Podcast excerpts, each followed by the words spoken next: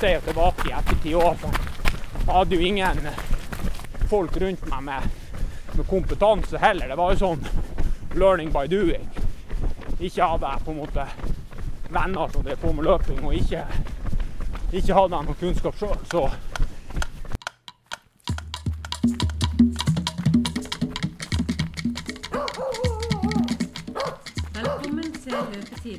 Podkasten for deg som liker løping, episode 29, sesong 4. Jeg hører at det er ekko her inne. Ja, det er det. Det får folk finne seg i. Eh, vi sitter egentlig vi sitter jo i, i stua, men det er et sykt barn inne der hvor vi pleier å spille inn. Ja. To av de er det faktisk. Ja, eh, det er november, og to syke barn, to barn med forkjølelse i heimen. Ja. Men allikevel så drister vi oss til å spille inn med litt koronaavstand. Vi har lista oss inn, sitter på hver sin side av bordet og prøver ikke å ta på noen ting. Så det skal gå fint. Så hvis lyden er litt eh, rar, og hvis det blir noe eh, enten ungdomsbrøl eller barneskrik, så er det bare fordi de er litt syke. Det må gå fint. Ja. Du, vi er jo kommet til onsdag to og en halv uke etter Svalandsgubben, der du, Anna, sprang ditt andre Det er nesten ultraløp for din del. altså Det er jo ekstrem eh, prestasjon å være ute i fire timer. Ja. Åssen er ting nå? Altså, Vi fikk jo høre deg Du, du startet forrige episode der du hulka.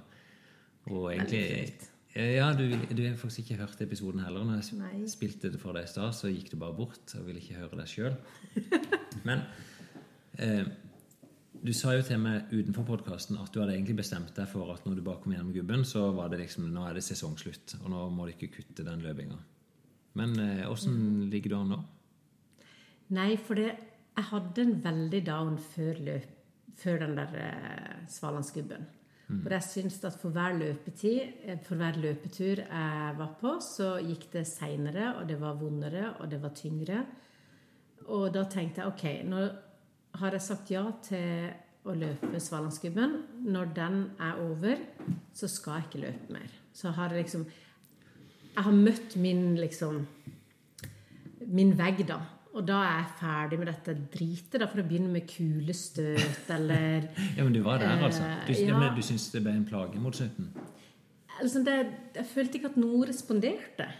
Eh, liksom sånn forvemmelse når jeg løp forbi et butikkvindu og ser meg sjøl.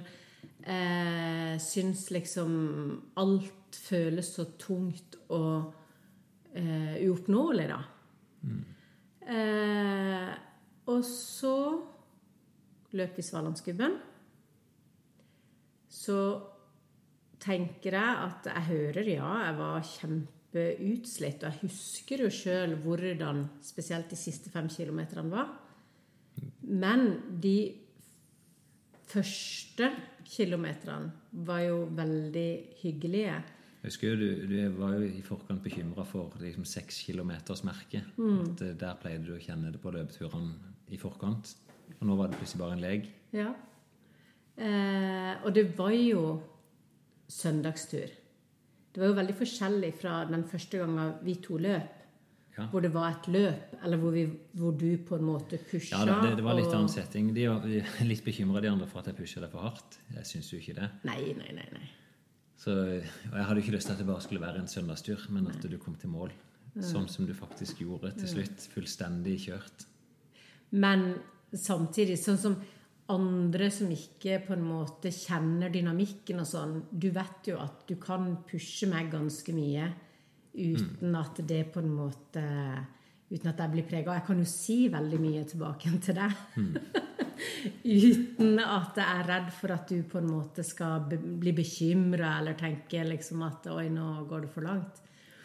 Sånn at eh, den du var langt innafor, det jeg tåler i hvert fall. Det er bra.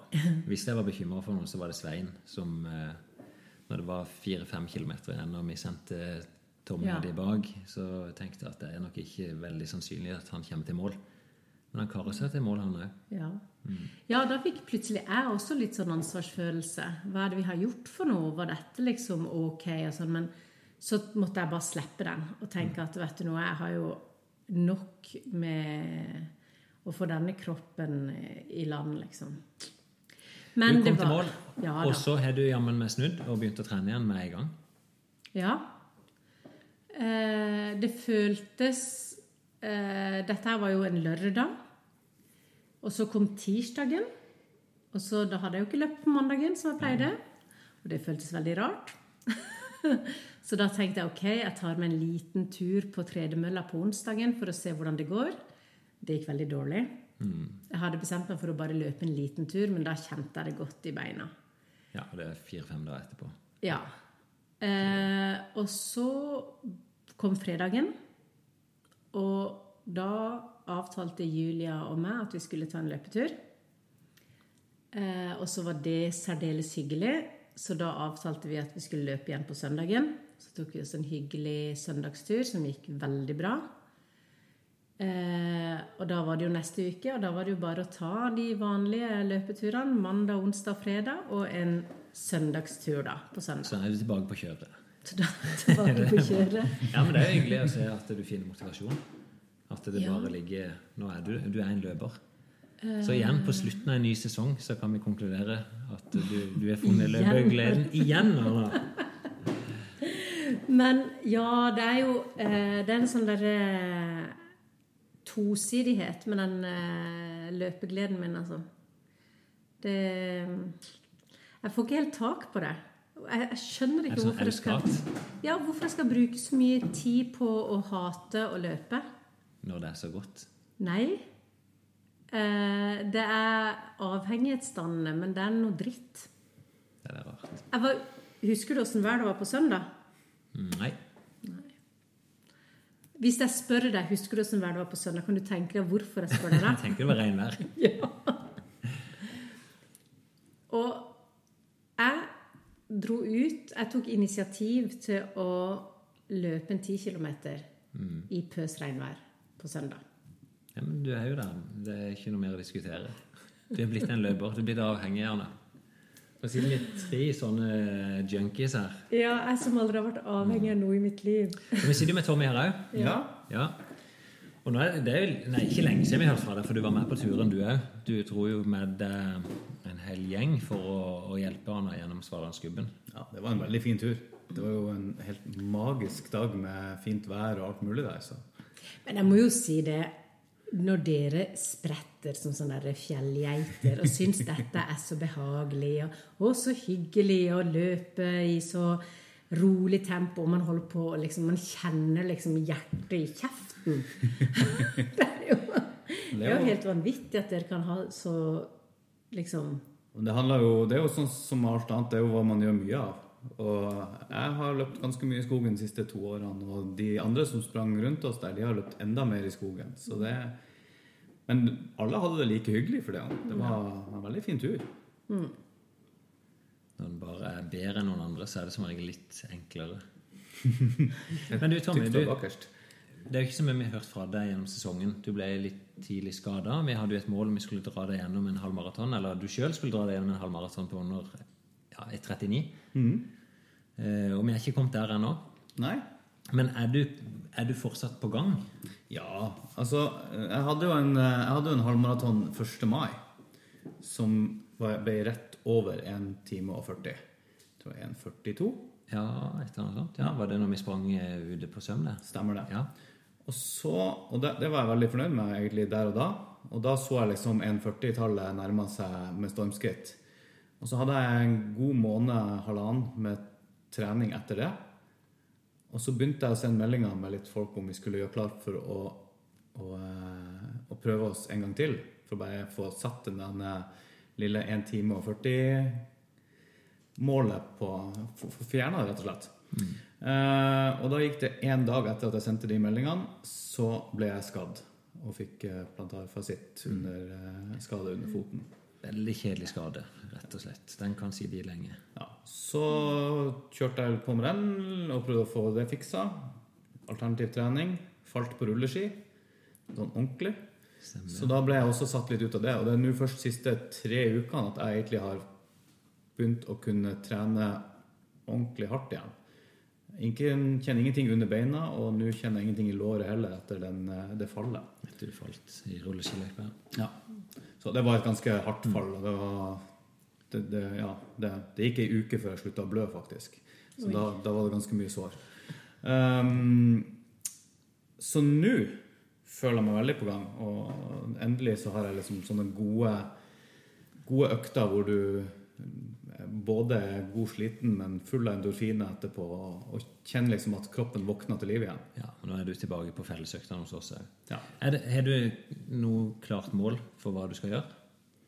Ja, altså, hovedmålet mitt er, som det har vært ganske lenge, det er jo maraton Ja. på ei skjebnelig tid. Og da er det jo en plass Jeg har ikke satt noe sånn helt nøyaktig tidsmål, men jeg har jo lyst til å se hvor nært 3.30 jeg klarer å komme. Er det noe når på dette? Altså Akkurat nå så er det Berlin 2021, så det er jo et år Ja. til. Ja, Så du tenker ganske langt fram? Ja, litt Altså, det var egentlig planen å løpe Berlin i år, og så skjedde jo koronaopplegget. Og så kunne jeg sikkert ha funnet meg et maraton før det nå, men ingen vet noe om hvor lenge det er til ting åpner opp ordentlig. Så jeg tenker at vi har målet langt der borte. I mellomtida kan jeg både trene og løpe i skogen og kose meg og ha det gøy. Og så forhåpentligvis så blir jeg bare bedre i løpet av den tida. Ja. Selv om det er lenge til. Du gjør jo det, og du mister jo ikke det som du har trent opp. Neida. du klarer å opprettholde trening sånn som du gjør nå. Du skal jo være med på et sånt testprosjekt. Det blir litt artig Ja. å se hvordan fysiologene sier at eh, denne kroppen fungerer. Ja, jeg, jeg, jeg vet jo noen andre som skal være med på det prosjektet, og det er vel ikke den som er i best form, for å si det sånn. Um, jeg vil heller bakerst i troppen der. Jeg, jeg fikk i hvert fall med meg Det er jo Kristian Kjørnholm som eh, driver og studerer på universitetet, som eh, er vel masterstudent, er det det? Stemmer? Som, eh, vi skal dra med han litt i noen episoder og følge det prosjektet òg. Men det er nok løpere der som springer Det er vesentlig fortere enn der. At eh, det er en del løpere som springer ned mot 30 blank på en 10 000. Men han sier han skal ha med begge gruppene. Så skal han sjøl få forklare litt hva dette prosjektet er for noe. Men veldig kult at du blir med der. Jeg syns også det er veldig kult å få vært med. og det er litt sånn hvis vi er på ei løpeøkt på stadion eller en annen plass, og Kristian er der, så er det jo litt sånn ærefrykt. Han er jo liksom den raskeste kanonen vi har springende rundt der. Og det er, det ganske kult å få vært med på noe sånn treningsrelatert med han. Så det, det gleder jeg meg veldig til. Ja, han har jo vært på et høyt nivå lenge. Um, du fortalte i stad eh, at du driver og trener noen folk sjøl òg. Ja, det er sånne ting som bare skjedde plutselig her i høst. Um, en kompis av meg har spurt meg egentlig ganske lenge om ikke jeg kan hjelpe han med å begynne å løpe litt. Uh, motivasjonen hans er egentlig å komme seg i form og slanke seg. Um, og så har jeg egentlig sagt nei lenge. Og så til slutt så ble jeg ja, kanskje lei av maset. Så da sa jeg til han til slutt at ok, vi kan gjøre det, men da, da bestemmer jeg, og da bestemmer jeg hvilken type økter det er, og da gjennomfører vi de øktene. Og så gjør vi det i tre måneder og ser hvordan det fungerer. Um, og da har vi egentlig kjørt ganske enkle intervalløkter med ikke veldig lang løpetid og eh, ikke så veldig mange drag heller. Det er typisk økte som du ikke har gjort sammen. Eh, siste ukene så har vi kjørt eh, 60 sekunder løping, ganske flatt på en grusvei. Og så er det 90 sekunds pause, og så er det tilbake igjen. Så er det fram og tilbake ti ganger. Um, Ja, Ti minutter løping, rett og slett. ja, i praksis. Eh, og det, det begynner å vise resultater. Og så har jeg hatt med meg Kai på dette. Kai Rune. Um, og han kjente plutselig noen i, der han jobba, som hadde lyst til å være med og, og henge seg på dette. Så i går, når vi hadde den forrige økta vår, så endte vi opp med at det plutselig var meg og Kai Rune og fire andre som skulle trenes der oppe i, i, i skogen. Så nå begynner det å bli en liten gjeng. Men alle er på ca. samme nivå, pluss minus litt. Ja, og Da snakker du nivå hvis de skulle løpt en ti kilometer, disse folka. ja, en plass mellom en, Rundt 70 minutter, kanskje. Ja. Ja, Kanskje så- litt mer på noen av de. Um, men ja, rett rundt der. ja, det, du har i hvert fall forstått det er utrolig viktig å begynne i det små. Ja. Så ti minutter løping Du vil få god framgang av det ganske lenge. Og jeg merker bare sjøl at jeg kjenner at det drar litt på i øktene også. Vi, det, det, er ikke, det er ikke dårlig trening for meg heller å være med på det, så det er godt å få smelte i gang. Det er det vi snakka om litt før vi starta innspillinga her, at altså, den forskninga tyder jo på at hvis du, hvis du gjør ting intensivt og kort, så er det nesten like bra som å gjøre litt mer, litt roligere. Men fortsatt bare nesten. Men for folk som er utrente, da, så minimerer du skaderisikoen da, med å ha korte økter. Ja. Så nei, veldig kult hvis du kan inspirere flere, Tommy. Så nei, det vi hadde vært gøy å kanskje fått med en Ja, sånn vi kunne jo blitt kunne- blitt med en. Jeg kunne jo blitt med og løpt en av de øktene. Det hadde vært veldig gøy. Det vil jo være kanskje faktisk her, når jeg tenker meg om, du løper nettopp en 10 km på en time og tre minutter. Ja, det det- var lett kan- matematikk for meg at jeg kunne være med der. Bare, her kan jeg få være med. Ja, men Kunne ikke det vært en utfordring? det- Og så tatt med Arne på ei sånn økt? Jo, kan gjerne være med der. Det var kjempehyggelig. Ja, for det, jeg var jo, skulle jo hive meg på en intervalløkt med løpeklubben, men da var jeg jo gående etter oppvarminga, så måtte jeg gå hjem. Ja, Vi prøver å holde det på et ganske rolig nivå her, i hvert fall nå. Mm. Og så eh, Nå vi holdt på i ti uker. Ja. Eller vi, nei, ni uker har vi holdt på. Så vi skal Mm. til på tiende uka nå eh, som kommer. Og jeg, jeg merka veldig forbedring i formen på, på Arne, min kompis, som jeg tre- eh, skulle trene. Eh, Og det, det er litt gøy å se at det faktisk virker på så lite. Han har faktisk på tre måneder løpt ca. 100 minutter, og så er det så mye forskjell. ja, du ser bare på distansen han springer. Ja. Det er bra. Heia Arne. Ja, det er Da kan han være ute og motivere nye folk. Men det er jo fantastisk. Jeg fortalte jo Finn at du jogga jo annet forbi meg i går. Så jeg, var, jeg gikk en liten kveldstur. Ja, det jeg gjorde. ja. Men det, var, det er mange som er ute og løper for tida, altså. Ja, det ser jeg sjøl. Det, det, det skjedde noe i den eh, perioden da vi ble nedstengt i mars. Eh, så tror jeg veldig mange har fortsatt å løpe ute, selv om treningssentrene åpner opp. Ja, det kan godt tenkes at det gjør det. Det jeg tror jo Vi så jo en av lytterne som eh, skrev til, og i hvert fall tagga meg da, og tagga podkasten om dette, den enkelheten med løping. At du trenger jo ingenting. Det er bare snakk om å komme seg ut. Eh, jeg tror folk ser mer av det når de ble tvunget ut av treningssentrene, at dette er jo like bra. Det, jeg blir nesten sånn trist når jeg springer forbi et treningssenter og ser folk er inne på, nesten som en sånn hamsterhjul på ei tredemølle på en fin dag. tenker, jeg, åh, Kan ikke heller ut og så oppleve den gleden bare med å, å være ute i det fri? Men vi nærmer oss jo den der eh, eh, for mange ikke ut og løpe-sesongen, som heter vinter. Absolutt. Vi er jo i november nå, det begynner å nærme seg at det blir glatt og, og, og blaut. Men Vi er jo heldige her nede på Sørlandet, da, som har 12 grader og eh, litt fukt. Det blir ikke så mye is av det. Jeg har jo bodd rundt forbi. Jeg har bodd i Harstad, bodd i, eh, ja, i Nord-Norge i flere år, og det funker akkurat like bra der, altså. Det er bare å kle seg, så funker det trening akkurat like godt. Så du mener at det aldri er en dato for å trekke inn? Det fins det for meg òg. Jeg gjør det på enkelte økter. Hvis det er ordentlig ruskevær Nå er jeg heldig å ha tredemølle hjemme. Eh, hvis det er på det verste, så kan jeg bare velge å gå inn og gjøre noe der. Men, men det er forskjeller. Altså, er, jeg syns alltid det er bedre når du er kommet ut, at det føles bedre. Eh, I hvert fall sånn mentalt, og det å tømme hodet. Innendørs så blir det ofte nesten litt sånn trygt, og det blir varmt, det blir kokt. Så det blir mer for den effekten. Men hvis det er is og overvann ute, da trekker jeg inn. Da Ja, det, det er jeg det. Hvis det blir veldig, da er det heller bedre å, kutte. Så hvis jeg vel hos oss da i løpet av en vinter, så er det kanskje tre-fire ganger at vi må avlyse en treningsøkt. Det er jo ikke noe farlig. Altså, det, så, det var et, eh, et annet lytterspørsmål jeg, som het eh, Det var Christian. Som spør om vi kan snakke om tredemølle. Han mener, eller, han, det finnes så mange alternativer der ute. Og det gjør jo det. De selger jo og reklamerer for tredemølle overalt. Um, Jeg pleier å si liksom, to, to enkle råd som jeg bruker. Og vi er ikke sponsa av noen, så det er ikke noe eh, sånn subjektivt der. Det er, jeg bruker selv Sportsmaster. Det er en norsk produsent som eh, de leverer møller med god kvalitet i nesten alle prisklasser. Eh, opplever at de har god service. Du kan ringe og snakke med dem. Du kan snakke, spørre dem om ditt behov, og så anbefaler jeg møller som passer for deg. Det er bare å gå inn på sportsmaster.no. Og det passer gode priser. Eh, Kan jeg spørre hvor mye cirka man må regne med å gi for ei mølle?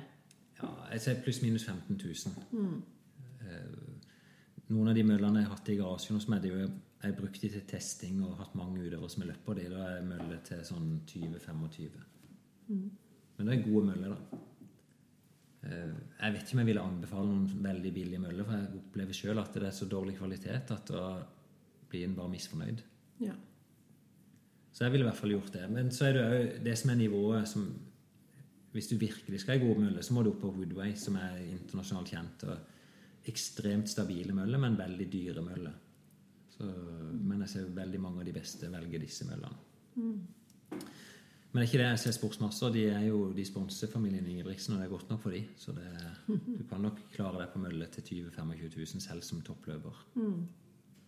Hva er det som er forskjellen på ei god Du sier stabilitet. Hva er det som er forskjellen på ei god og dårlig det er mølle? ofte stabilitet er at de, de er tyngre. Det er det ene. så er- Sånn at når du trør ned på mølla, at de ikke begynner å rigle. Og på, hvis du er ordentlig dårlig mølle, så er det dårlig motor. Da vil du kjenne at eh, motoren er ikke sterk nok når du stemmer litt imot i steget. Hvis jeg typisk en litt tung løver, da, så er det kanskje litt stem i steget, så stopper hele mølla opp. Oh, ja. Så at han, han klarer liksom ikke å trekke igjennom. Da er det kjedelig mølle. Det er Ja. Da får du veldig god trening hvis du må drive og dra den i gang. Da du hørt den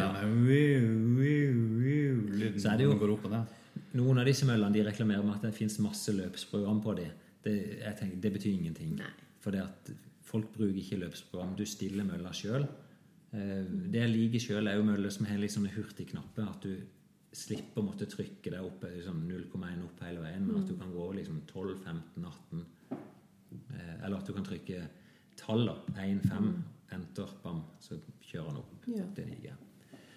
Og så er det, ja, det er jo litt forskjell på hastigheten. De billige møllene de går ikke veldig fort. Eh, De fleste trenger ikke det. Altså, jeg tror nesten alle møller går opp til 18 km i timen uansett. Men hvis du tenker for min del, så er jo det 10 km fart. Og hvis jeg springer kort intervall, så vil jeg helst springe litt fortere enn det. Så er jeg mølle som går på 20 eller 25 km i timen. Så jeg tenker, gjør det enkelt med mølle òg, som med all annen trening. Finn ei mølle kan vi reklamere for det for Sportsmaster, da. Um, og så bruk henne når det trengs. Når, Ja. det, når det motiverer deg mest. Og så går det sikkert an å finne brukt, for det er sikkert mange som kjøper det i januar, og så ble han eh, et tørkestativ i Det februar. mange, det finnes mange av de rundt forbi. Ja. Så, men jeg vil si at folk trenger ikke ha ei tredemølle hjemme. Du kan fint klare det med et par joggesko. Og ei vindtett, vanntett jakke så, og ei lue og vante. Så klarer du det gjennom vinteren. ja, jeg har jo fått sånn ulltrøye, så det bruker jeg hele tida nå. Det er også ganske Ja, vi er genialt. fornøyd med det, selvfølgelig. Jeg må være passe kledd. Ja. Det får vi ta en egen greie på om Ja. bekledning på vinteren. Jeg så òg eh, ei som heter Linda, som skal springe Bergen City Marathon, som hadde et sånn sett interessant spørsmål. Ja. Eh, hun, hun hadde ikke kommet så langt, så det er nok lenge til hun hører den episoden. Hun sa hun var på sesong 1, episode 20, eh, og, og snakket om at liksom, treningsgleden er på vei, og hun springer eh, en 10 km, mål om ca. en time. Eh, men hun skal springe Bergen City halvmaraton neste år. Og det er løype som er litt kupert. Eh, jeg, jeg har aldri løpt den sjøl. Jeg skulle egentlig tenkt å løpe den som tidligere i år. Men det hun er litt bekymra for, er jo å følge fartsholderen. Åssen de gjør det når de kommer til bakke. Det var et veldig interessant spørsmål. Ja, eh, og lurer på om fartsholderen da bare holder samme farta hele tida. Eh, og jeg arrangerer jo løp sjøl og har vært fartsholder sjøl. Og utgangspunktet så skal jo en god fartsholder tilpasse farta etter terrenget. At det er egentlig intensiteten han skal holde jevnt, og ikke farta. Så la oss si hun skal springe Hvis du sier 10 km på en time, da, som er 6 minutter på kilometeren, så vil en god fartsholder typisk kanskje løpe litt, litt fortere. Kanskje på 5.58, 5.57. Og så ha litt buffer til motbakkene der en setter ned farta. Og så øker en kanskje på litt i underbakkene. Er Så det- under? Er det Utfor- nedoverbakke? utfor, ja. Det var Vennesla-dialekt. Eller hva, hva er det Men, under men dette, bakken? det, det er en kunst å, være fartsholder, så det er ikke så lett som folk tror. Nei. du blir spilt opp da, av forventninger til, fra de bak. Du får de samme nervene som de som skal stå på startstreken. Du opplever et visst press.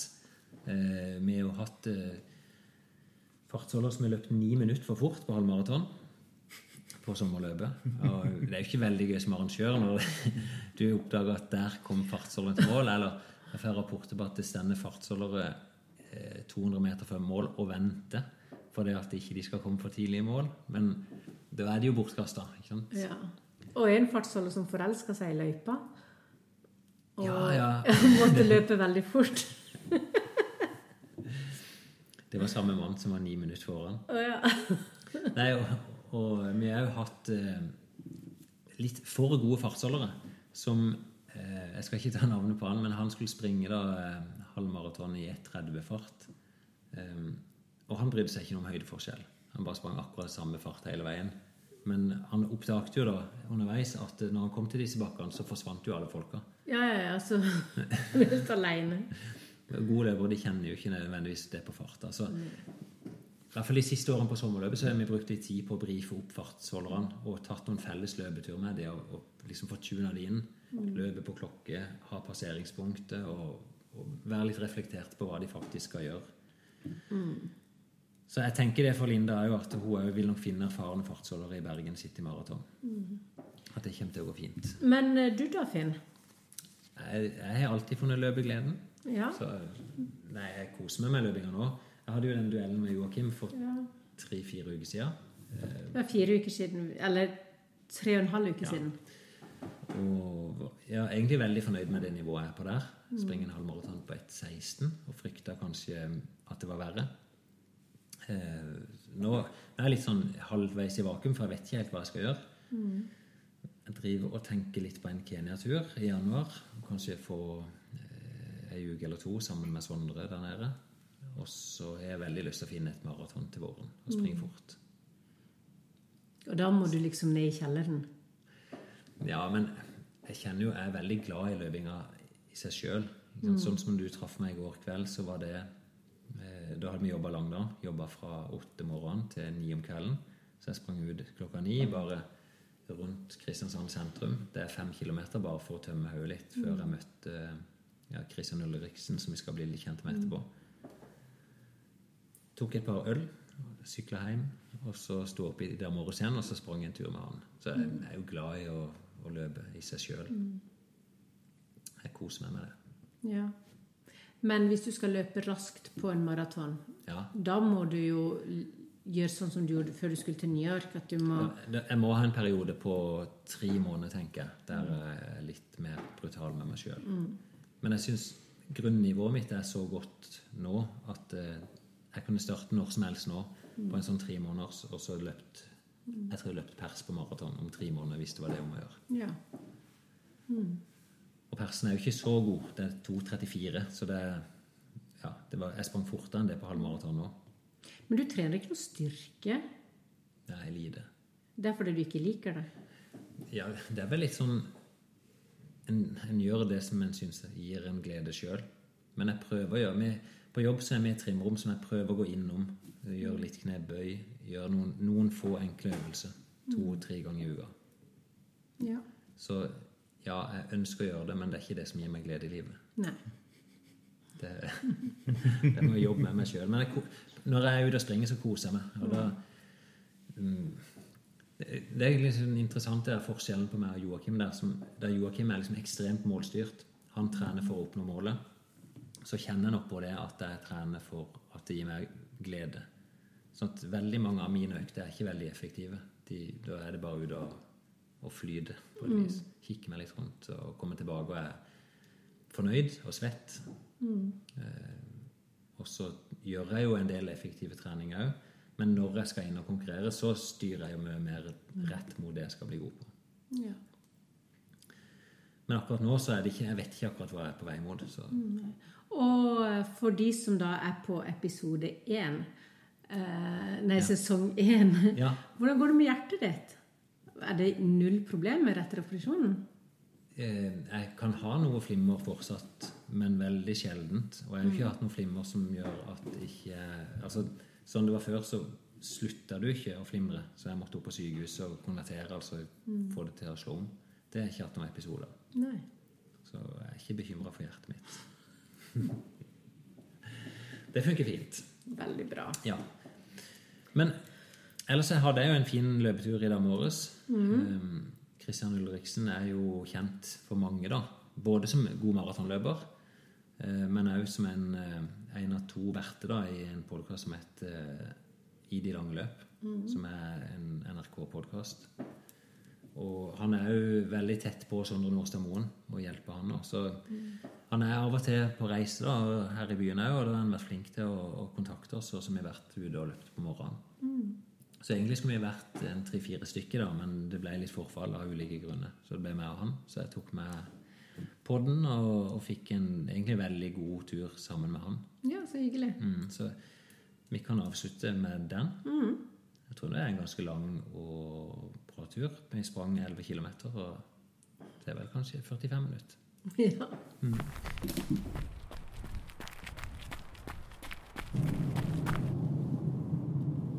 Oi, oi, oi. God morgen. Hvis vi kan snakke om noe dørstokkmil, så tror jeg definitivt vi kan snakke om det i dag. Eh, En onsdag i november. Vi er vel på 18. november, og klokka er ti på syv. Sitter i bilen på vei ned for å springe en tur med et par kompiser. Kom hjem veldig seint, altså. Kom hjem i halv ett-ett-tida og skulle bare fikk snudd i senga og tilbake igjen hit. Det er litt sånn når han har fått sovet litt lite og bare liksom dunka to alarmer på kjappen, så skvetter jeg bare litt opp på automatikk. Og så når jeg kom ut nå i litt lett duskregn og kålsvart november, så skjønner jeg hvis jeg hadde begynt å vurdere dette, så er det, det er ikke sikkert jeg hadde kommet meg opp. Så eh, i dag skal jeg i hvert fall møte Christian og Christian. Altså det er Christian Ulriksen og Christian Kjørnholm som skal ut og springe. Og så er det mulig vi blir en eller to til. Joakim skulle være med, eh, men han meldte eh, i går at han hadde fått eh, Kaller vi det hekseskudd. Fått vondt i ryggen. Mulig han måtte kaste inn håndkleet. Jeg fikk ikke i han, og jeg ringte nå. Da kjører jeg ned og parkerer på jobb, og så Kristian er på besøk i byen, altså Ulriksen. eh, Så vi blir litt bedre kjent med han. Det er mange av dere som kjenner han som en veldig habil maratonløper. Eh, Løpt eh, Er det 2.21? Eller er det 2.22? Som jeg faktisk blir litt usikker. Eh, Og kjent på podkasten i de lange løp. Men jeg har vært en mann som har gått ifra å være en sånn utrent pokerspiller til å bli en veldig habil løper. Og var en av de som er ja, en av de få norske da, som jeg traff i, i Kenya i vinter. Jeg ble litt kjent med han der. Og han er en av de som har hjulpet Sondre Nordstad Moen nå siste året, i hvert fall. Kanskje to. Å legge til rette for satsinga hans. Vi skal i hvert fall prøve å bli litt, litt kjent med han. Jeg ringer Joakim, så vi ser hva han er til godt å si. God morgen, Joakim. Hva sier du at? Kjøs frisk og rask da. Veldig, altså. Ja, så deilig. Og du, er du der klar? Jeg er ikke frisk og rask. Nei? Ser ut som vingene fra Notre-Dame. Er det ikke blitt noe søvn? Jo, søvn har det blitt, men uh, det er mer det at uh, ryggen er fucka. Ja, ok. ja. Sånn, så eh, eh, Det er faktisk større utfordringer enn jeg trodde å, å passe på tidoen. Oh, ja. Oi, det er er så handikap hele tida. Ja. Jeg kan ikke være hive rundt en som holder på å falle, for Nei, vi får bare være forsiktig. det. Nei, Det er, det er, det er koselige lyder. Ja, men det er det.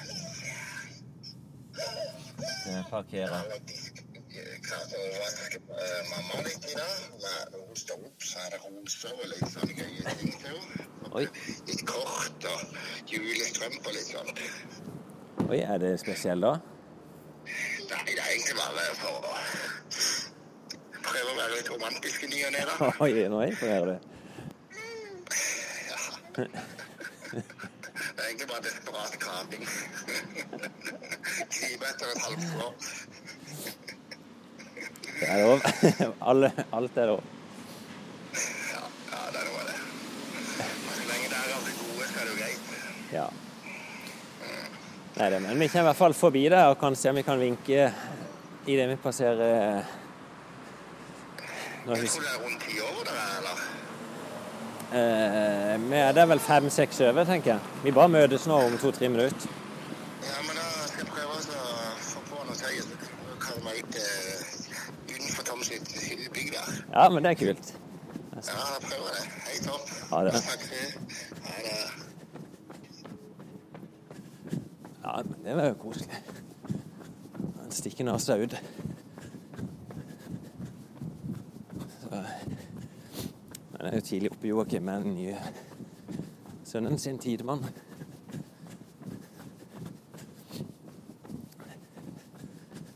Så må bare få ting til å skje, da. Så vi kan ta noe med han etterpå.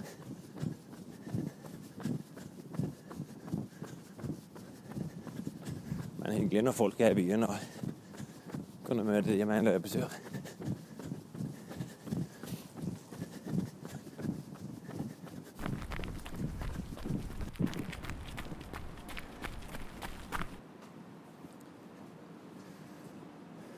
Sånn, da bikker jeg ut fra Markensgade Kristiansand. Se om vi finner noen løpere i resepsjonen på hotellet. Her sitter det en fin nordlending med kaffen klar. God morgen, Lister. Se det. Det er bare bra. Jeg tror vi bare går rett på, så vi ser om kjørende om du ikke har sett noe sånn. Ja, vi kan bare stille oss opp i, i kroken. Da er vi rett på. Ja, ja. Det er ikke noe studio her i løpetid. Nei, det er dårlig med studio der inne der. I det lange løpet òg. Skal vi se det, det var ikke mye kjøre noen her. Jeg snakka akkurat med Joakim, så han sto med hekseskudd oppe på Bystranda.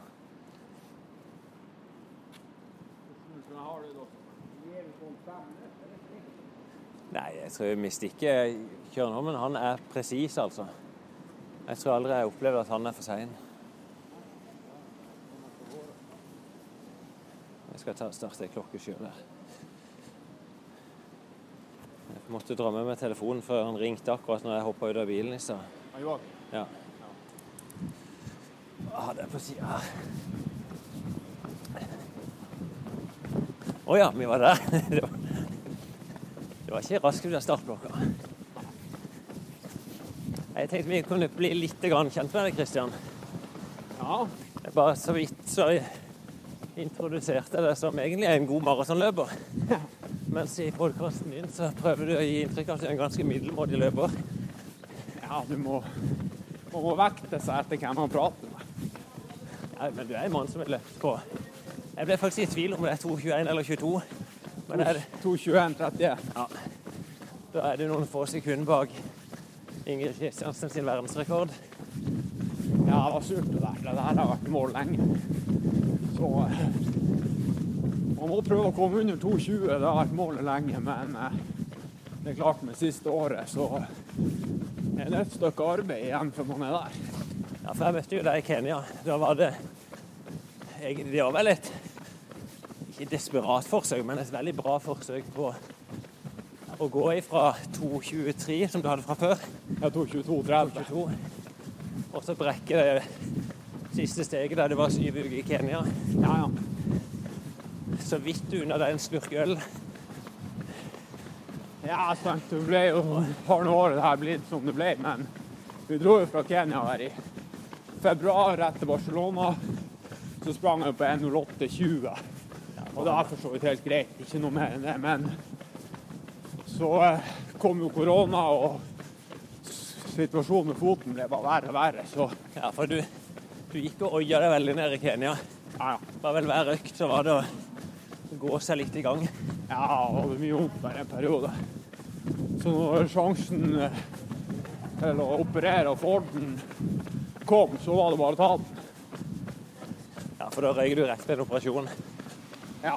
Og egentlig gått nå i kan det være seks måneder, vel. ja. Og du reiser midt i koronatida, så dunker du bare til Finland. Ja, det var jo sånn i Norge at det var jo ingen utenom dem som på en måte hadde akutt hjelp, som fikk lov å operere. Ja. Så hvis vi skulle få gjort det der, så var vi nødt til å komme oss dit han Sondre var når han fikk orden på kroppen. ja, det var i Finland. Jeg husker jo ikke navnet på han.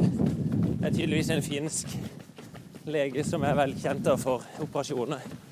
Om ikke til feil, som jeg husker fra Sondre, så opererte han Beckham i sin tid. Ja da, han, eh, han, han Sondre var altså etter Sakari, som er en anerkjent finsk kirurg. da, Så han starta en sånn, egentlig en sånn ren sportsklinikk der borte. Så han går da i pensjon, og så har det kommet en, en kar etter han som heter Lasse Lempainen. Ja, stemmer. Så eh, ja, vi sjekka litt på forhånd. Han gode Stora Sakshaug ble jo med, så Ja, for dere hadde nesten samme skade, var det ikke? ja. Han hadde noen litt andre problemer, men Det er nesten, nesten litt komisk. Dere er jo, hva vi kaller arge konkurrenter og gode venner ja, ja. som stiller med samme skaden. ja. Og når du bestemmer deg for å reise og operere, så heier han seg bare på. Ja, han trengte på en måte å få det gjort det der, han også. Når det er klart, og når altså, jeg blir å dra uansett, og blir å leie ei leilighet bort i Finland og ta ei uke karantene, så tror jeg han tenkte at det er nå eller aldri for min egen del òg. Ja. ja så dere opererte sammen og har vel hatt litt sånn opptrening og følger, følger med på hverandre, i hvert fall. Ja. Jeg snakker med Ola innimellom og hører at han òg egentlig er i fin framgang. Ja, jeg tror, jeg tror egentlig brora sin var enda viktigere for min del. Han var Ja, han har hatt mye vondt i mange år. Men i hvert fall operasjon, opptrening, så ser det jo lovende ut nå at du er ute og springer. En, Ja, ja, og sant, følelsen av å springe uten å ha vondt er jo litt av grunnen for at man i det hele tatt begynte å springe. Er det sånn at du kjenner ingenting nå? Nei. Nei, så deilig. Men jeg har jo hørt at det, du måtte sette litt ekstra bremsen på nå, da. Ja, det er jo risikoen for eh, tilbakeslag. Den er selvfølgelig størst i starten. Ja. Så eh, jeg tok noen bilder der i oktober og fikk sendt over, og så sa han liksom at ja, vi må holde igjen fortsatt. Selve konsistensen på beinstrukturen er sånn og sånn, og du må ja, prøve å ikke springe mer enn du må.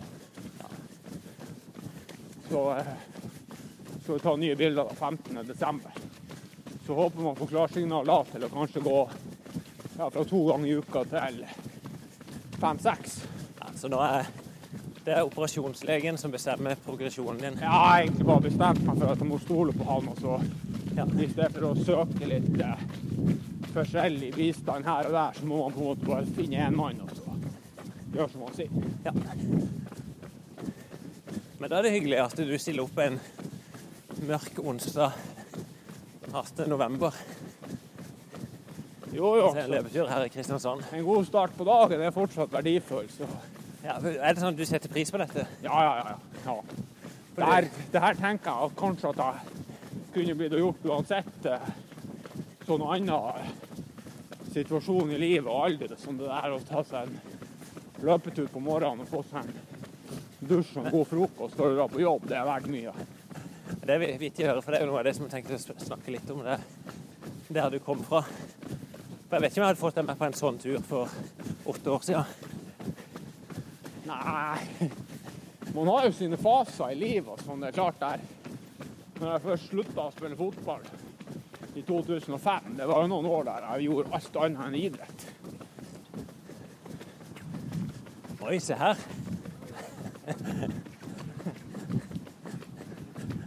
Her står Joakim. Kom men Se her, vet du. han er familiefar. Det er mitt liv. Hæ? Hei, Tidemann. Jeg får En liten rakker på skuldrene her. Ja, ja, ja.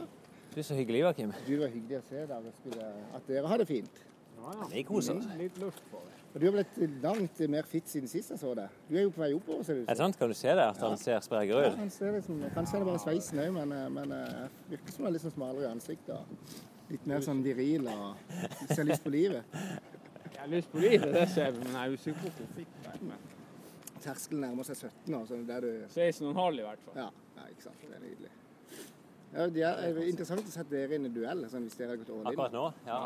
Tipper det som ja Hvis du skulle vi sprunget lenger enn fem km, så ville han vunnet. Sånn er et muskeltoleranse, det er ingenting. Det.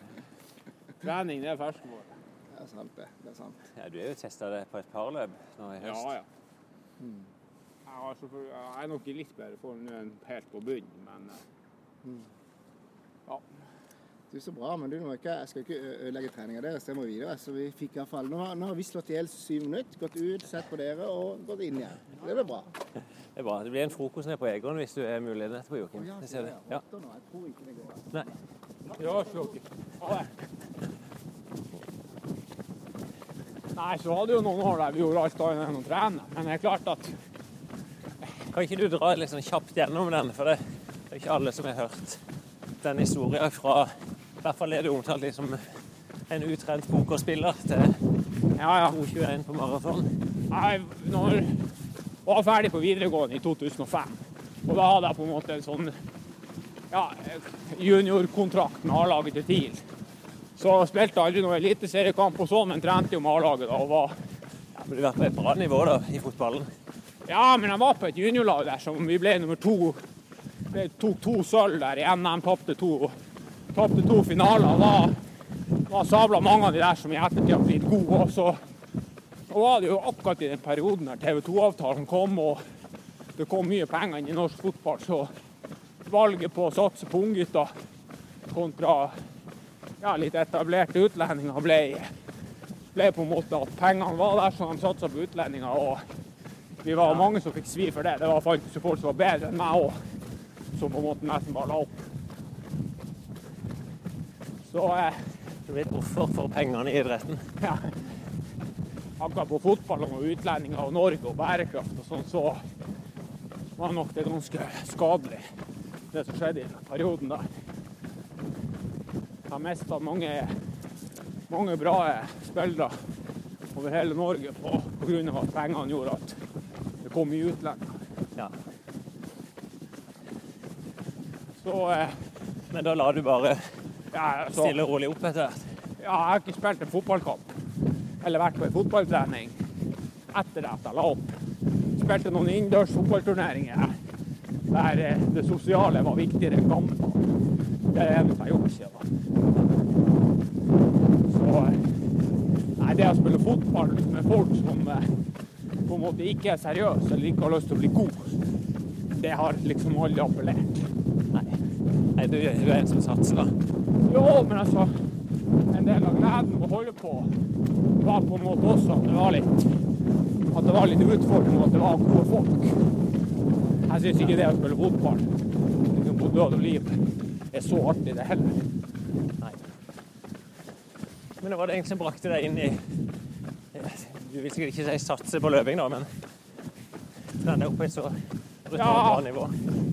I, jeg løper hadde en kompis som jeg spilte mye poker med, og som vi reiste verden rundt med. Så i 2009 og 2010 sprang vi Midnadsøy Maraton på sommeren. Sprang jo på sånn Sprang på sånn 45 minutter. Stort sett prøvde å springe under 40. Og, jeg ga, altså, og da kanskje jeg trente én gang i uka. Og så begynte jeg på universitetet Men bare for å stoppe litt der. Du sa profesjonell pokerspiller. Ja, Du var- reiste rett og verden rundt og levde Ja. av sponsa av store spilleselskap og, og livnært oss rett og slett på å spille poker, både på internett og på Ja. kasino. Ja. Man kan jo si mye om poker, men det, det handler nå på en måte Konkurranseaspektet der å gjøre det best mulig er jo sammenlignbart med all annen idrett. Så konkurransen og det der å bli bedre enn man har vært, var jo det som drev oss der òg. Så eh, ja, det var på en måte ei tid for alt. Og når jeg begynte å studere i januar der i 2011, så Da er vi bare ni år tilbake. Ja, ikke sant. Ja. Så falt på en måte litt det der treningslysta, det der å komme i gang igjen. Og så har jeg egentlig bestandig likt å løpe. Og vært egentlig Det var helt OK til å springe når jeg spilte fotball òg.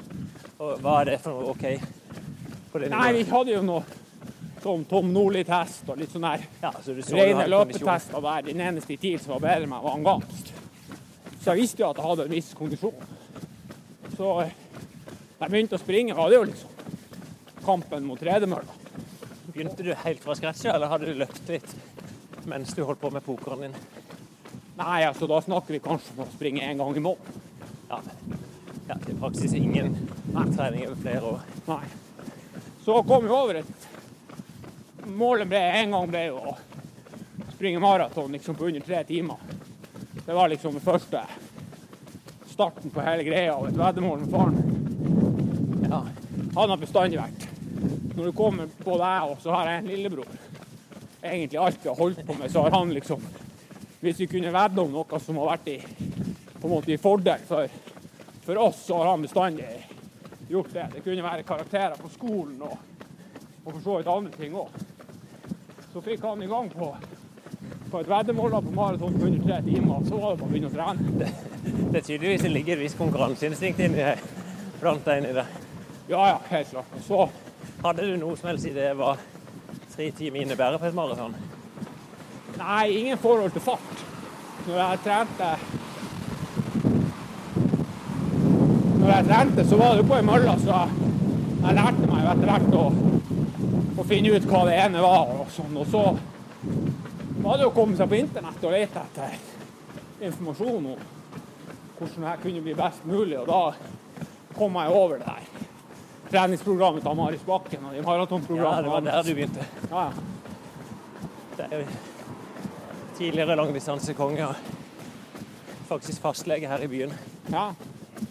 Og det var jo utrolig appellerende med løping, at det er så målbart. Fikk jo egentlig fremgang fra uka til uka på den tredemølla òg. Så det var jo sinnssykt motiverende.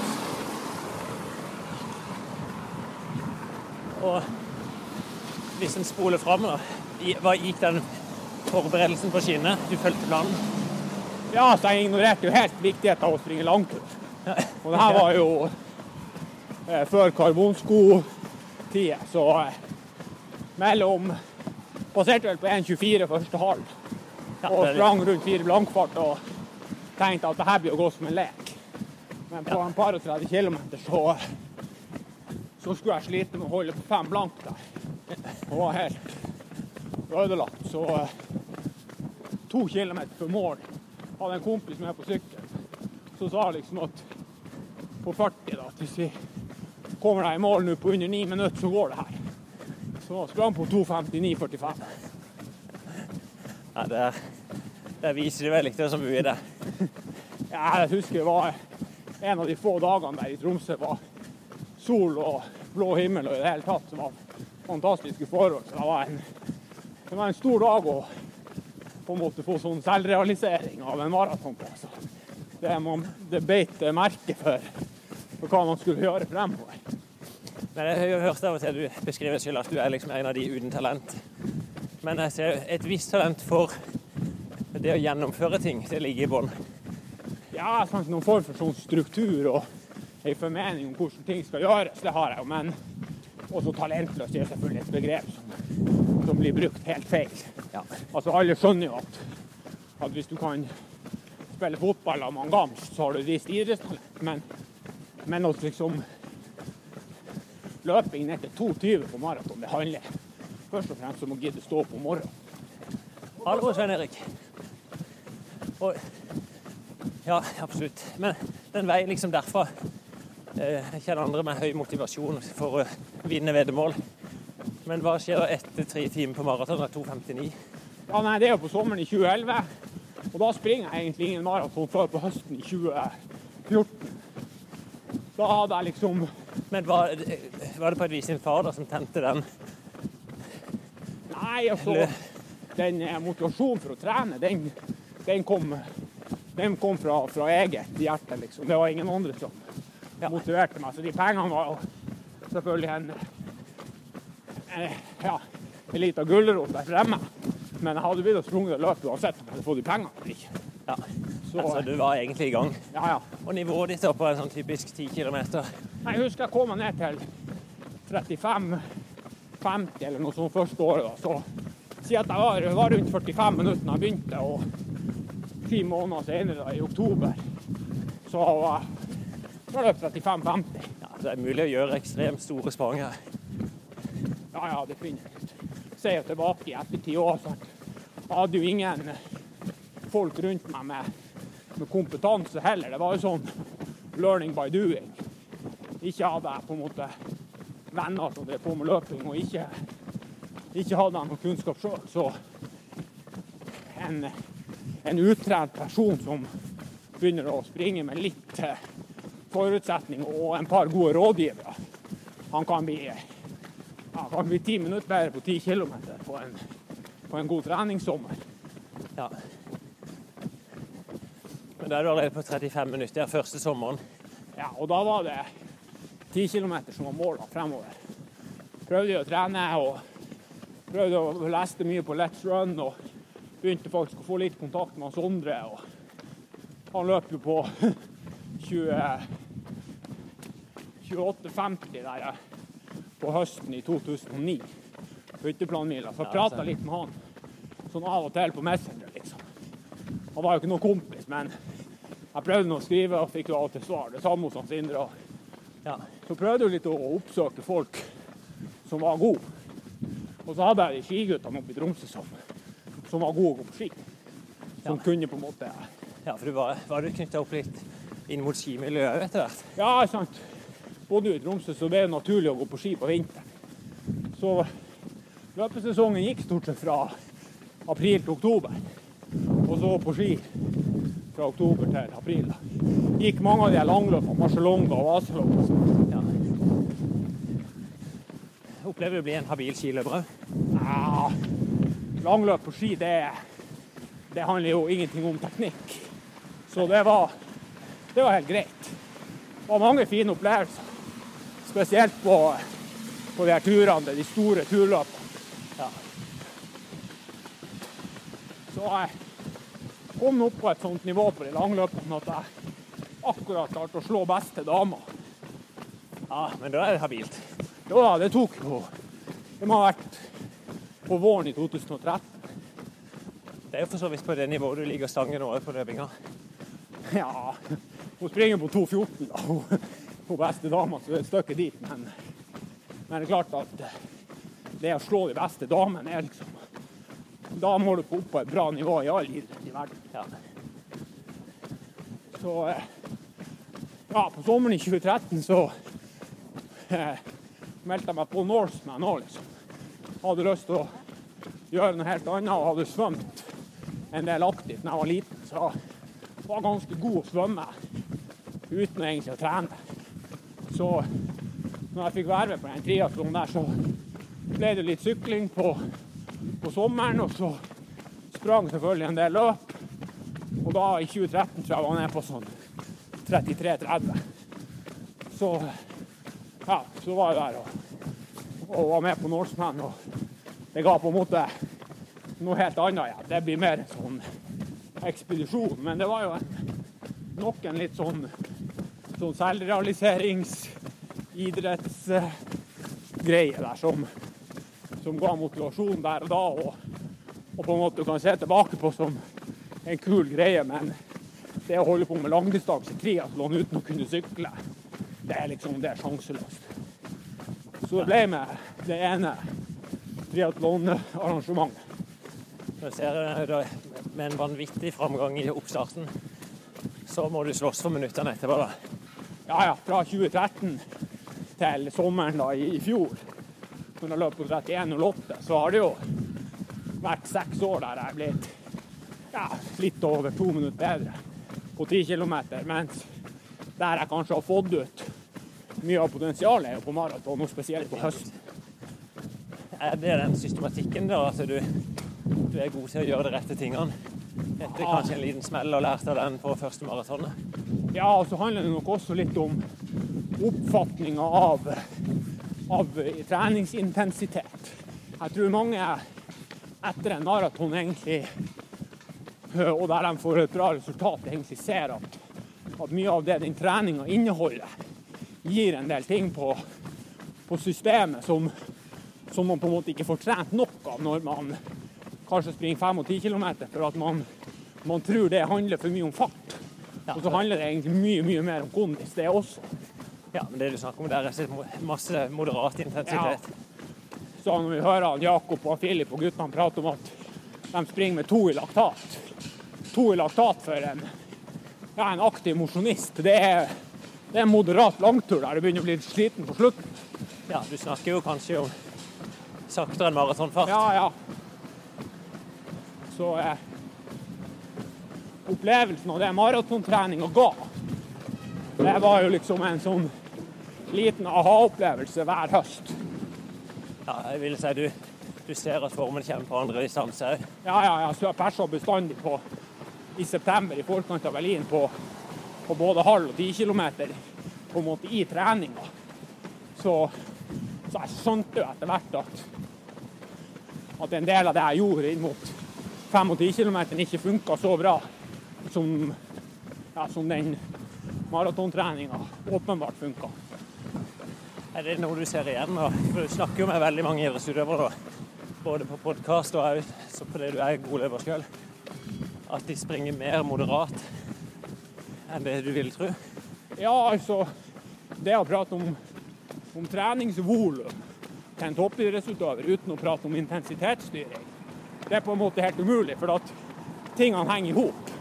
Så hvis du skal springe mye veldig fort, så må du også springe veldig mye veldig sakte. Sant? Og da kan du jo lure på om det heller er bedre å springe litt saktere på det forte, og litt fortere på det sakte. Så eh, Og så har jo folk forskjellige egenskaper. En mann som han Sondre han kan aldri springe på 3.30 på 1500 meter uansett hva han gjør. Så hvis du skal bli best i noe, så er det jo så er toppidretten et brutalt liv. Da må du holde på med det du har forutsetninger til. Ja. Og jeg har sikkert bedre forutsetninger på maraton enn jeg har på kortere distanser. Så det har nok òg litt å si. Men da er det altså foreløpig stoppa på 2,21. Sannsynligvis på vei i år da, mot noe enda bedre, men da er det skade som setter stopper for det. Ja, jeg liker jo å tro det, men, men det er klart at eh, maraton er jo liksom En del av fascinasjonen der er jo at du får ikke så mange sjanser. Så du må liksom du må ta de sjansene du får. Så jeg håper jo å, å stille på start Ja, man skal jo ikke bli miste all historikk, men jeg håper i hvert fall å få et, et skikkelig ordentlig godt løp til uten å ha vondt noen plasser. For jeg vet at det går an å springe fortere enn det jeg har gjort. Jeg har egentlig kun én gang fått ut potensial, og det var i 2017. Jeg løp på 2.22,30. Den dagen så fikk jeg nesten ut mer enn jeg var god for. Ja, det var for to år siden. Ja, det var i 2017. Ja. Så, så tre. Så, eh, så liker jeg å tro at man er blitt litt smartere på veien. Og ja, kanskje kan spare seg sjøl for, for noen problemer. Ja. Men eh, maraton er sånn sett også en sånn utrolig rettferdig distanse. For det om det er kommet gode sko og sånn, så det handler til syvende og sist om hvor godt forberedt du er, og, og ingenting annet, liksom. Hele pakken med drikke og, og alt det, liksom. Du må være klar, ellers så går det ikke. Ja. Ja, det er som du sier, maraton handler om gode forberedelser. Ja, ikke sant. En gjennomtenkt plan, få gjort det du føler at du trenger. Og så, så handler det løpet først og fremst om å springe med hodet i tre mil, og så begynne. Men du ser du er Nå har jeg ikke vært en god løper, men du har jo vært veldig tett på Sondre nå de siste to-tre årene. Ja, vi får bra relasjon, vi. Altså. Vi er selvfølgelig for helt, to helt forskjellige folk, men eh, samtidig så har vi nå funnet noen sånne sosiale ting som, som gjør at vi går godt overens. Og så, så skal jeg innrømme at, eh, at jeg har en viss sånn glede av å, å hjelpe andre òg. Og det går faktisk an å hjelpe han Sondre, sånn at han kan springe litt fortere med å gjøre enkle ting som jeg også setter pris på. Så føler jeg at den vinn-vinn for begge. Tenker du treningsmessig eller på livet rundt? Ja, treningsmessig skal jeg innrømme at, at der er det egentlig han 90 ansvaret ligger på han Sondre og Renato. Og så er det de ti siste prosentene som handler om de tingene rundt, som Ja. vi andre kan hjelpe han med. Ja, Det handler litt om å skjære man fra de problemene som oppstår egentlig i et hverdagslig liv. Ja, sant. Litt, litt de her Litt de her andre tingene som vi har sett, f.eks. en mann som har hjertet er utrolig god. Ja. Den her, den her iboende eh, sånn grådigheten om å bestandig ville bli bedre, den, eh, den er liksom til tider så er det det er jo både en drivkraft, men det er også en bremse. Så eh, ja. Hvis vi kan hjelpe han Sondre til å ha perioder der han kanskje hører på andre og tør å slappe litt mer av og ja, ikke blir så sinnssykt opphengt i løpedetaljer, så tror jeg vi kan spare han for litt sånn ja, eget, eget problem. Jeg sett du gjør en fantastisk god jobb rundt han. Ja, jeg får jo være med på mye artige ting. Det var jo en stor opplevelse å være på VM i friidrett i Doha. Man kan si hva man vil om Doha og sånn, men det å være til stede på, ja, på idrett på toppnivå har jeg jo bestandig vært fascinert av. Og det å se, sitte og se med, med dine egne øyne folk som hopper 8,5 meter i lengde, det er ganske ufattelig. Eller 6 meter i stap. Er du mer imponert av det enn å Ja. se Jakob springe på 3,28? Ja, nesten, altså. Altså, det å springe på, på 3.30 og sånn er liksom Det er rått, det òg, men det er på en måte Det skjønner jeg litt mer ut av. Det å hoppe seks meter i stav Jeg skjønner at du må ha en viss hurtighet og, og koordinasjon og spenst og sånn, men sammensetninga av de her tekniske øvelsene er, ja, det er fascinerende, og så er det jævla drøyt, det de holder på med. Det er tøft.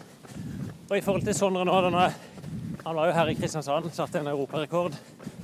Måtte slåss litt med forbundene om det var lov å springe på disse skoene eller ikke. Vi så han på London Marathon. Gjorde egentlig et bra løp.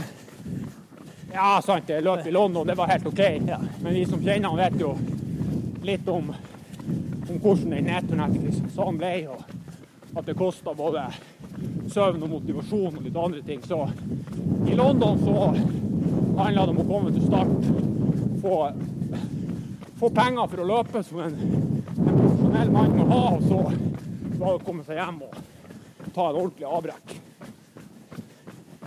Ja, for det er vel noe vi har sett begge to, at det å være løper, selv på et ekstremt høyt nivå, er ikke nødvendigvis veldig lukrativt. Nei, altså, vi snakker jo om at de folk som deltar i EM for Norge, har dårligere vilkår enn en 16-åring som, ja, som spiller fotball i andredivisjon. Ja. Så eh, det er alt annet enn lukrativt. Og hvis ikke motivasjonen kommer innenfra, så er du ferdig før du har begynt. Men du hjelper han litt her på sida, og, og er de grove planene for Sondre inn i denne sesongen? Det er jo et OL som sannsynligvis vil bli Ja, arrangert. ryktene sier jo at det skal bli et OL. At det skal deles opp idrett for idrett. Ingen tilskuere. Så får vi jo se litt. Det der er jo først og fremst en politisk beslutning. Det, det bor vel 40 millioner mennesker i Tokyo, og du får ikke gjennomført noe maraton med å ødelegge byen. Så maraton er jo flytta til Sapporo og skal jo, da, skal jo gå der tidlig i august. Så eh, planen hans nå er å reise til Kenya nå 7. desember. Og være i Kenya i, i ti uker. Og så springe en halvmaraton ned i Irak, som er et, ja, en sånn stat som ligger rett utenfor Dubai den 19. februar. Ja, så fem måneder i Kenya i vinter der tre av de kanskje var ufrivillige. Det skremte ikke Sondre for å reise ned på nytt. Nei, det er klart. Det å bo i Norge i november, desember, januar og slåss mot verdenseliten i, i løping, det går ikke. Du må ha høyde, og du må ha OK værforhold. Det er liksom Det sier seg sjøl. Og det er klart, etter det løpet Sondre gjør her i Kristiansand, som kanskje kanskje det beste løpet i hans liv, kanskje til og med bedre enn 2.05-løpet i Japan, så er, vet jo hva han har inne. Og når du gjør under en time på en bane på halvmaraton alene, så eh, skal det gå an å springe 59,30 eller kanskje til og med ned mot europarekorden, som er 59,13. Ja. Og så etter Rakta så er det å komme seg til Norge og ta to-tre uker her. Få orden på kroppen og få hvilt litt. Og så må vi se litt hvor verden er med tanke på korona. Kanskje det går en halvmaraton i Europa en plass i april, eller månedsskiftet april-mai. Og så er selvfølgelig den store planen Da er det OL. OL. Så Renato ønsker han Sondre ja, til Sestriere, da, som ligger i Italia, i rundt 17. mai. Og da er det begynt å forberede seg mot OL i svært tøffe forhold.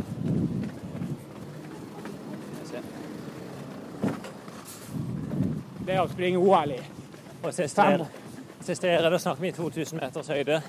Ja, det går an å springe oppe på 2004 òg, men det som først og fremst gjør at det er veldig bra der, er at du kan, eh, kan reise ned derifra og så få trent veldig spesifikt i varmt vær med høy luftfuktighet. Og det er det som blir å møte borti i OL i Sapporo uansett. På mesterskapsløp på maraton i tunge forhold, der har Renato trent to italienere. En i 88 i Seoul og en i 2004 i Aten. Som begge to var underdog, og, og rett og slett tok OL-gull for at de var best forberedt i feltet. Så det er det liksom som er drømmen. Det er jo å være i maks form, men samtidig være forberedt for det som kommer. Ja, så da kan han kombinere både høyden og varmen. Ja. Som egentlig Det er kanskje vanskeligere i Kenya, da. Ja, Vi som har vært i Kenya, vi vet jo hvordan temperaturen er når kenyanere springer om morgenen når sola står opp. Ja, det er nesten som nå. Ja, Det er ikke langt ifra. Jeg vet ikke, det kan være 10 grader nå. ja 10-15 grader, og så når sola kommer opp, kan det gå opp mot 25. Men eh, der er det også frisk fjelluft, Ja. som er noe helt annet enn det du møter i en storby i Japan. Så eh, det handler om forberedelser og som sagt maraton i mesterskap. Det, det dukker bestandig opp folk som, eh, som springer over evne og tar resultater. Det andre er jo at en, en afrikaner som ligger an til å bli nummer fire-fem Hvis han er på smell etter 30 km, så bryter han løpet. For at det er ingen penger å tjene i OL. Så da bryter du av, og så springer du heller en maraton en måned eller to senere i en stor europeisk by og får en del penger. Ja. Og er det noen uttalt ambisjon for Sondre? Ja, altså Det å ta medalje er jo målet. Det å vinne er jo vanskelig, da må du tross alt slå alle. Men det å ta medalje skal kunne gå. Han springer jo nå i London i høst. Jeg la med en sitter Jared Ward, en amerikaner, som er nummer seks i OL i Rio. Altså, Sondre er jo han er flere lysår bedre enn de guttene. Ja. Så det går an. Så med de rette forberedelsene her, så er det realistisk å ha faktisk enda et norsk håp om et OL-medalje. Ja, sant. Du går og ser på statistikken av alle europeiske eller ikke-afrikanske prestasjoner etter Sondres sitt 205-løp, så er det jo fortsatt ingen som har løpt fortere. Så det vi ser, er jo at afrikanere blir bedre, og at resten av verden henger fortsatt etter. Ja. Og vi har vel begge sett hvorfor de er gode. Ja, Har du etter hvert da, noen konklusjon sjøl på hvorfor er det så sykt mange som kommer ut fra Kenya? For så vidt Etiopia òg, der ikke vi har vært.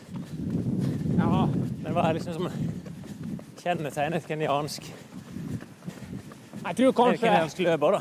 Ja, jeg tror kanskje det er den, den muligheten til å skaffe seg et annet liv enn det utgangspunktet er. Om han Sondre springer på 204 og 203, så er han fortsatt han Sondre som kommer fra Norge og fra, fra Trondheim, liksom. I, I Kenya så det å bli en internasjonal toppløper inneholder masse penger. Du kan kjøpe deg både jordbruk og andre ting, og du kan redde hele familien. Så jeg tror altså den der Det er mange der som er på en måte lykkejegere gjennom løpinga. Og det tror jeg Jeg tror det gjør at karrieren blir ofte kort, men eh, viljen til å satse alt er stor. Ja, vi har jo sett flokker på titalls og hundretalls av løpere der nede som på et vis følger et mer eller mindre samme system, alle mann. Ja. Høyt volum. Kan være tre hardøkt i uka. ja. Og så jogge på sida. Det er klart, det å være født i høyde, høy høyde har sine naturlige fordeler, men du må fortsatt trene. Og så har vi selvfølgelig hørt ikke snakk om doping. Det har vært mange dopingsaker. Det er selvfølgelig en annen sak, men man må på en måte ta et standpunkt når det kommer til juks og doping. og Man kan mene og spekulere, men man må på en måte tenke at dem som ikke er tatt, dem er reine. rein. Har du sjøl sett noe liksom som tyder på doping når du var i Kenya sjøl? Nei. Det har jeg vært ganske klar på. altså. Det, det er ikke sånn Det er ikke et statlig russisk dopingsystem som vi ser i Kenya. Det handler om indiske og kinesiske leger, europeiske agenter og, og bakmenn som ønsker å tjene penger på idrett. Ja. Der du bruker utøvere som er villige til å ja, gå over streken for å bli bedre. Men bare så det er sagt, så når han Jakob kan springe på 3,28 og han Sondre kan springe på 2,05, så har jeg sett folk i Kenya med et naturlig løpesett og et, noen eh, helt andre på en måte fysiologiske egenskaper enn det de beste Ja. guttene vi har. Så, så det å springe på 3,26 på 1500 meter, det vet jeg at går an uten å være dopa. Ja. Hadde du putta ti kenyanere i kjelleren til Gjert, så hadde alle ti sprunget på 3,26 i løpet av fem år. Eneste måten å slå de guttene på, er rett og slett å trene best i verden over lang, lang tid. Og da går det av. Det er mange eksempler på det. Er ditt inntrykk at Sondre gjør det nå? Ja, altså. Sondre sitt mål det er, er å slå alle.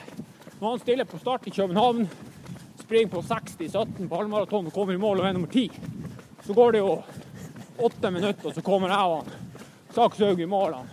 Sondre står og tøyer der og spør hvor det gikk. og Fyren ser ut som han har knekt foten. Hvor gikk den? Jeg sprang på 60-17 og ble nummer 10. Det var helt forferdelig dårlig. Da skjønner man liksom at han driver ikke på, han heller, for å, for å ha noe å gjøre. Han ønsker å bli best. Ja. Det er noe som er preget han så lenge jeg kjente han òg. Ja, Toppidrett handler tross alt om resultater. Alle de andre tingene rundt er greit. Det er en del av greia, men i, i løping så du er ikke bedre enn ditt siste løp, og du er avhengig av å prestere for å kunne tjene penger. Så enkelt er det. Ja. Jeg hadde jo sjøl Sondre på junior-VM i 2008. Der var var 17 år og satte norsk juniorrekord for 19-åringer. Men da står han òg rista på hodet, så han drev ikke med løping for å springe på 14.02. Nei, og mange, mange glemmer når de prater om Sondre at han er maratonløper og sånn og sånn, men han sprang på 13.30 på 5000 i Birmingham i 2011. Og på 28,50 der på hytteplanmila i 2009. Så vi snakker om en mann som kanskje har vært profesjonell idrettsutøver egentlig siden han var, begynte på ungdomsskolen. Så har han snart holdt på i 15 år. Ja. Og så har han Jeg har sett noen tester sånn. Vi snakker om teste 85 i O2 når du er 15 år. Da har du på en måte et utgangspunkt etter en aktiv barndom og litt flaks med genetikken, som er veldig bra. Og så gjelder det å ta vare på utgangspunktet. Det, vi har jo hørt om mange, mange gode løpere som som har hatt eh, store fortrinn fra naturens side, men som ikke har hatt motivasjon til å trene. Ja. For det er vel nettopp det som kjennetegner de aller beste. Det er den kombinasjonen av det der talentet fra naturens side og at de orker å gjøre den treninga som skal til. Ja, for altså, Man kan ha så mange gode hjelpere man vil. Men han Sondre, han Jakob, han Henrik og alle de er nødt til å springe. De må springe kilometerne sjøl. Det er ingen som kan gjøre det for dem.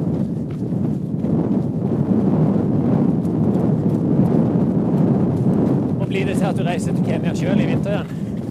Jeg håper det, men jeg må rett og slett se litt på sånne etiske rammer. Jeg har jo en jobb og bor i Oslo. Vi er jo alle tvunget til å ha hjemmekontor og reiser ut av landet, så må du ti dager i karantene og sånn. Så hvis det løsner litt med korona, så håper jeg å kunne ta en tur nedover i januar og ja, rett og slett få to uker med fine opplevelser. Og selvfølgelig få, få trent litt sjøl òg, men, men sånne som meg og deg, Finn, vi kan trene i Norge òg.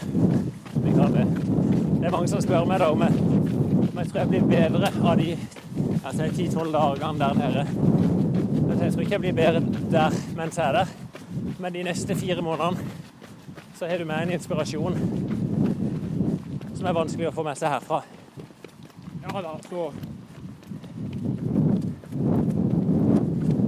Så må jeg innrømme at, eh, at de tingene man sitter igjen med i livet, handler jo om gode opplevelser med folk man trives sammen med. Og det er klart å dra til Kenya og slappe av i det hele tatt være i godt vær og ja, se idrett på høyt nivå på trening, det, det er noe som gir noe mer enn en bare nødvendigvis å bli litt bedre sjøl. Ja. Men du ser du er jobb, du òg. Ja, ja, det er jo Du har løpt rett slett maraton sjøl på 2,21 med full jobb. Ja da, og det å forsake jobben i seg sjøl er jo på en måte Det er jo bare å si opp. Men eh, arbeidslivet gir jo noe av det òg som, som jeg setter pris på. Så ja, det skal Det skal tungt gjøres å ikke ha jobb. Om man eh, jobber for seg sjøl eller for andre, det er jo noe helt annet. Ja. Så bringer jobben òg med seg nå når du har fått en rundtur i Kristiansand. Ja, ja, sant. Jeg vet ikke om de har fått med deg hvor mye løpt. Jo da, har jo noenlunde oversikt. Vi har vært oppom stadion, vært oppom universitetet. Sør Arena. Nå er vi nede på Kjøyta, da, som er midt i fileten av Kristiansand. Der vi springer langs Otra. Fin by, Kristiansand. Og mange gode minner fra barndommen. Nå har jeg en onkel som bor ute på Birkeland, så ah, du, er det. har fått vært litt her. Og, ja. Du kjenner oss ikke bare fra Kaptein Sabeltann og Nei, nei, nei. nei. Så eh, både spilt noen fotballturnering og i det hele tatt. Så eh, det er bra by, Kristiansand òg, det er klart. Nå er vi her mot slutten av november og det er 10-12 grader ute, så vi har jo vært heldige sånn sett. Det er ikke sånn hjemme i Tromsø nå. Nei, men det er faktisk det er faktisk overraskende varmt der oppe òg nå. Man kan lure på om, om det er menneskene som er i ferd med å svi opp jordkloden, eller om det er store sesongvariasjoner. Jeg tenker vi avslutter nå, og så har vi vel en liten kilometer igjen. Vi prater skit resten. Ja, nei, men det har vært hyggelig. Ja, fint.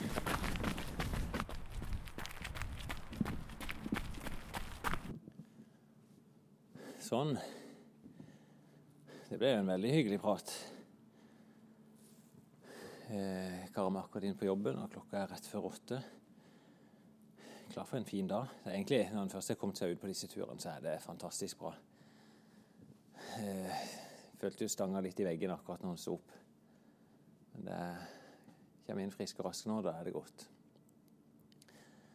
Så er jo heldig da at vi har eh, dusj og fasiliteter nede i kjelleren. Så jeg vipper ned der, så det blir faktisk en frokost med han òg.